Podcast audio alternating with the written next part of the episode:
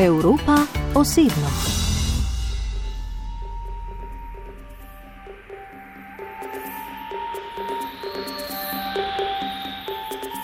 Hi, my name is Matthew Caruana Galizia. My mother was a journalist for 30 years. Her name was Daphne Caruana Galizia.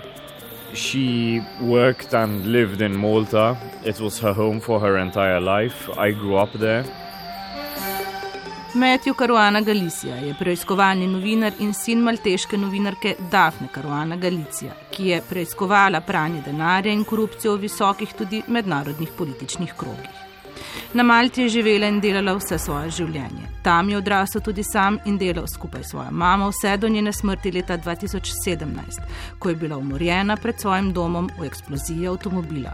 In to potem, ko sta skupaj pojedla kosilo.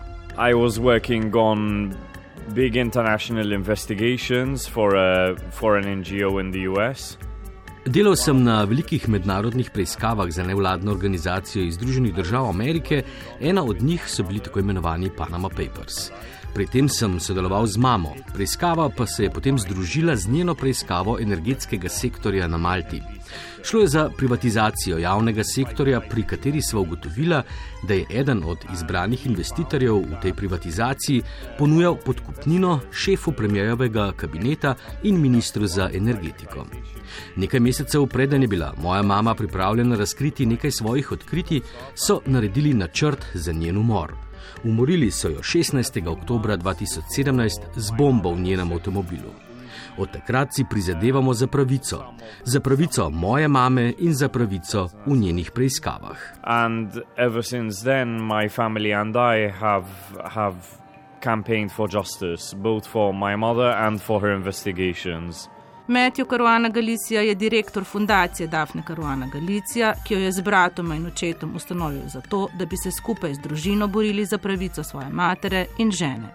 We believe that both the people who murdered my mother and the people responsible for the corruption that she was investigating. Menimo, da bi morali storilci, kot tudi naročniki umora moje mame, odgovarjati.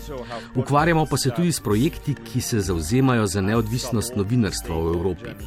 To vključuje zagovorniško pobudo glede zakonov o obrekovanju, ki jih poznamo kot SLEPS. To so tako imenovane ustrahovalne tožbe. Radi bi dvignili ozaveščenost o njih, hkrati pa si prizadevamo, da bi jih Evropska komisija omejila z direktivo.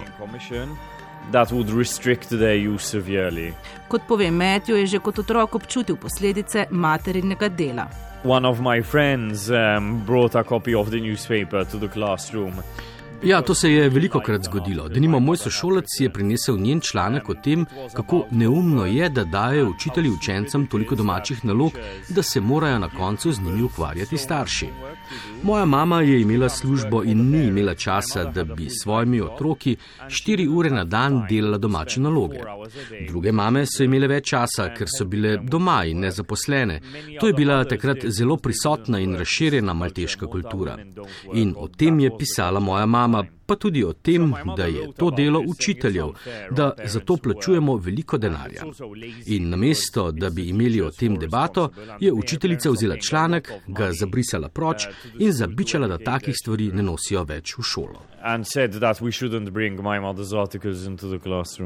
A pritiski so bili tudi veliko hujši. So, for example, when, when I was a kid, when I was nine years old, and the front door of our house was set on fire. Ko sem bil star devet let, so pred vrati naše hiše poteknili požar. Bil sem še zelo mlad, a vedel sem, kaj počne moja mama. Zdaj njene članke lahko prebiram tudi za nazaj, saj je imela arhiv. Njeno poročanje je bilo enostavno. Denimo pisala je, da je bil oče zelo znanega trgovca s kokainom eden od generalov v vojski. Ljudje, o katerih je poročala, so bili pogosto jezni, da o njih piše na tak način. Preprosto in podkrepljeno z dejstvi. In so se bodi si hoteli maščevati, bodi si jo želeli utišati oziroma ji preprečiti, da bi odkrila še kaj več. Um, speaking this truth or to stop my mother discovering even more. V zadnjih letih pred njeno smrtjo so se grožnje stopnjevale. Proti njej je bilo sproženih 46 primerov zaradi klevetanja, vsi v zadnjih dveh letih njenega življenja. Zamrznili so ji tudi bančni račun, najhuje do vsega pa je bila družbena izolacija.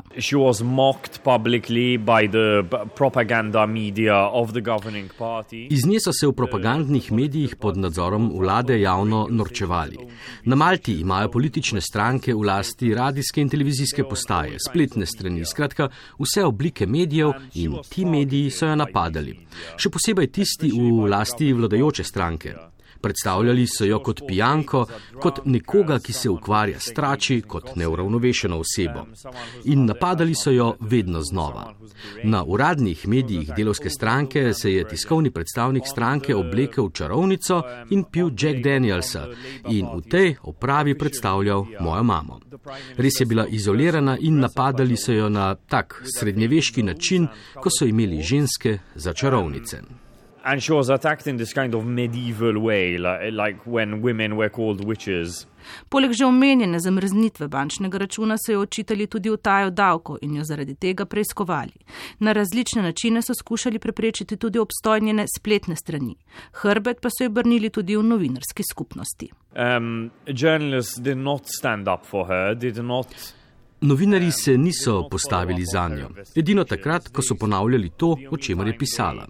They did follow up on her investigations was when they repeated what she wrote. To se je spremenilo šele po njeni smrti. Po smrti je bilo drugače, ja, ampak najprej so jo podprli samo tuji novinari. Domači novinari pa so bili pred umorom precej naivni.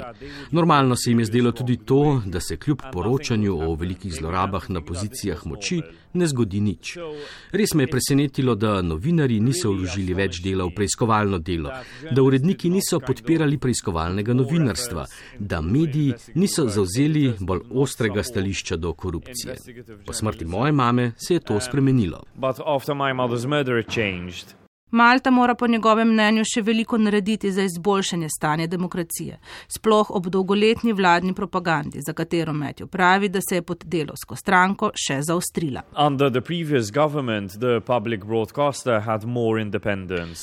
Pod prejšnjo vlado je imela javna RTV večjo neodvisnost, zdaj je popolnoma pod vladno kontrolo. Trenutni premije je na čelo javne RTV imenoval nekdanjo vodjo propagande svoje stranke.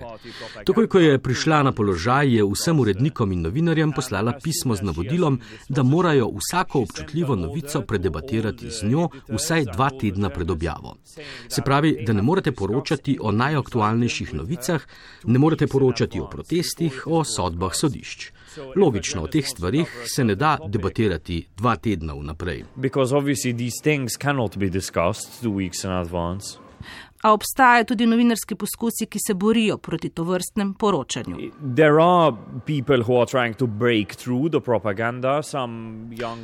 Predvsem mladi novinari so začeli s svojimi podcasti, pokrivajo teme celo prek Instagrama in na ta način poskušajo zlomiti propagando. Ampak dosežejo precej majhno število ljudi. Večina prebivalcev spremlja, bere, gleda le propagando delovske stranke only read, listen to, watch Labour Party propaganda.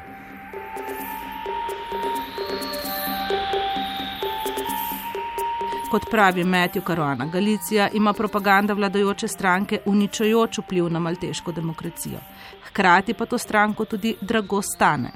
Um, Vzdrževanje vseh teh medijev je za vladajočo stranko zelo drago. Kako jih torej financirati? Ja, s korupcijo. Stranka sklepa posle s podjetniki, ki se oglašujejo v njenih medijih, v zameno pa dobijo ugodnejše posle. Da nimo dobijo brezplačna javna zemljišča ali pa da zmagajo na javnih razpisih. Take prakse je treba razkriti povsod po Evropi in tudi zato si prizadeva fundacija Dafne Caruana Galicija. Pa še na nekaj opozarja sin umorjene novinarke in tudi sam preiskovalni novinar. Demokracija je nekaj, k čemur prispevamo vsi, zato se je treba osredotočiti na tiste stvari, ki ljudi povezujejo, ne razdvajajo. We have to try to not get into pointless fights with each other. Novinari se med sabo ne smemo zapletati v nesmiselne prepire, civilna družba pa v nesmiselne ideološke razprave ali razprave o nekih akademskih vprašanjih. Osredotočiti se je treba na prave stvari, na take, okrog katerih se ne da kregati. Ena od njih je korupcija. Lahko se ne strinjamo o davkih, o migracijah, o marsičem. To so lahko tudi stvari ideologije.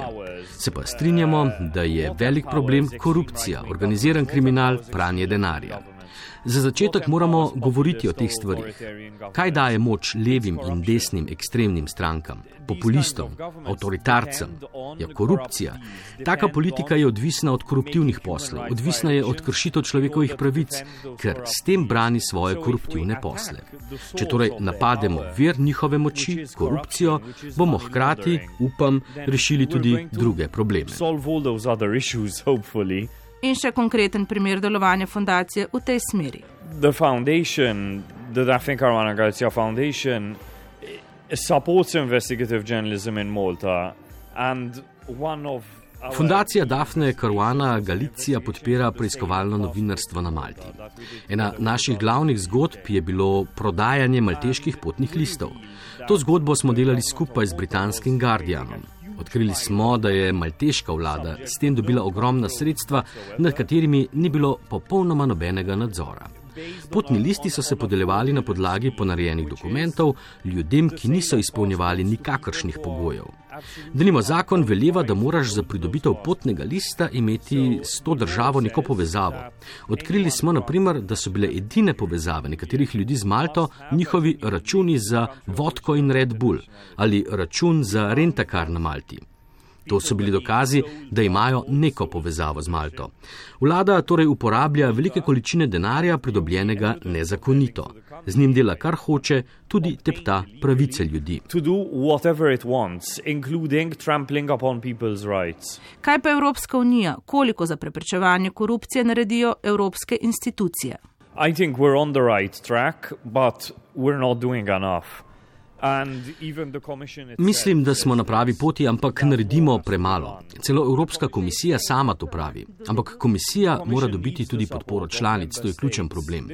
Kot denimo tudi ena najbolj liberalnih evropskih držav, Finska, ne podpira nekaterih pravnih rešitev komisije. Denimo ne podpira direktive, ki bi prepovedala slep tožbe, torej tožbe, ki so namenjene zastraševanju in oviranju novinarjev. Morda gre za rahlo sebičnost nekaterih držav, ki imajo na tem področju zakonodajo bolje urejeno in kjer težave s takimi tožbami niso tako izrazite. Ampak potrebujemo tudi njihovo podporo. Veste, niso dovolj le polna usta demokracije. V demokracijo je treba včasih uložiti tudi sredstva. Države se morajo nehati skrivati za komisijo. they're the ones that are objecting to the kind of legislation that we need across the EU, and they're hiding behind the Commission. V delo fundacije je, kot rečeno, upeta vsa družina. One of my youngest brother works as a journalist in London. Eden mojih mlajših bratov dela v Londonu kot novinar. Moj srednji brat je delal kot malteški diplomat, kar je bila njegova želja že od otroštva. Potem je sledila grozna zgodba, ko so ga zaradi zgodb vlade z mamo izločili kot diplomata. Zdaj dela za mednarodno organizacijo v Švici. Oče še vedno dela kot odvetnik na Malti. Pravzaprav delava skupaj na primeru moje mame skupaj z drugimi pravniki, tudi mednarodnimi, ki pomagajo pri tem primeru pro bono. Oče se ukvarja s pisi na sodišču, predstavljanjem dokazov, take reči dela. To delamo zato, ker vemo, da v kar 98 odstotkih umorjenih novinarjev storilci in naročniki ostanejo nekaznovani. To so uradni podatki odbora za zaščito novinarjev. Vedeli smo, da nihče ne bo naredil ničesar, če ne bomo sami se lotili tega primera. In tako je povsod po Evropi in svetu. Skoraj nemogoče je, da bi se nek primer z umorjenim novinarjem zaključil, razen če njegova družina v kampanjo za pravico uloži popolnoma vse. Vsako uro dneva, vsak cent. throws everything they have, every hour of their day, every cent that they have into the campaign for justice. Evropa osebno.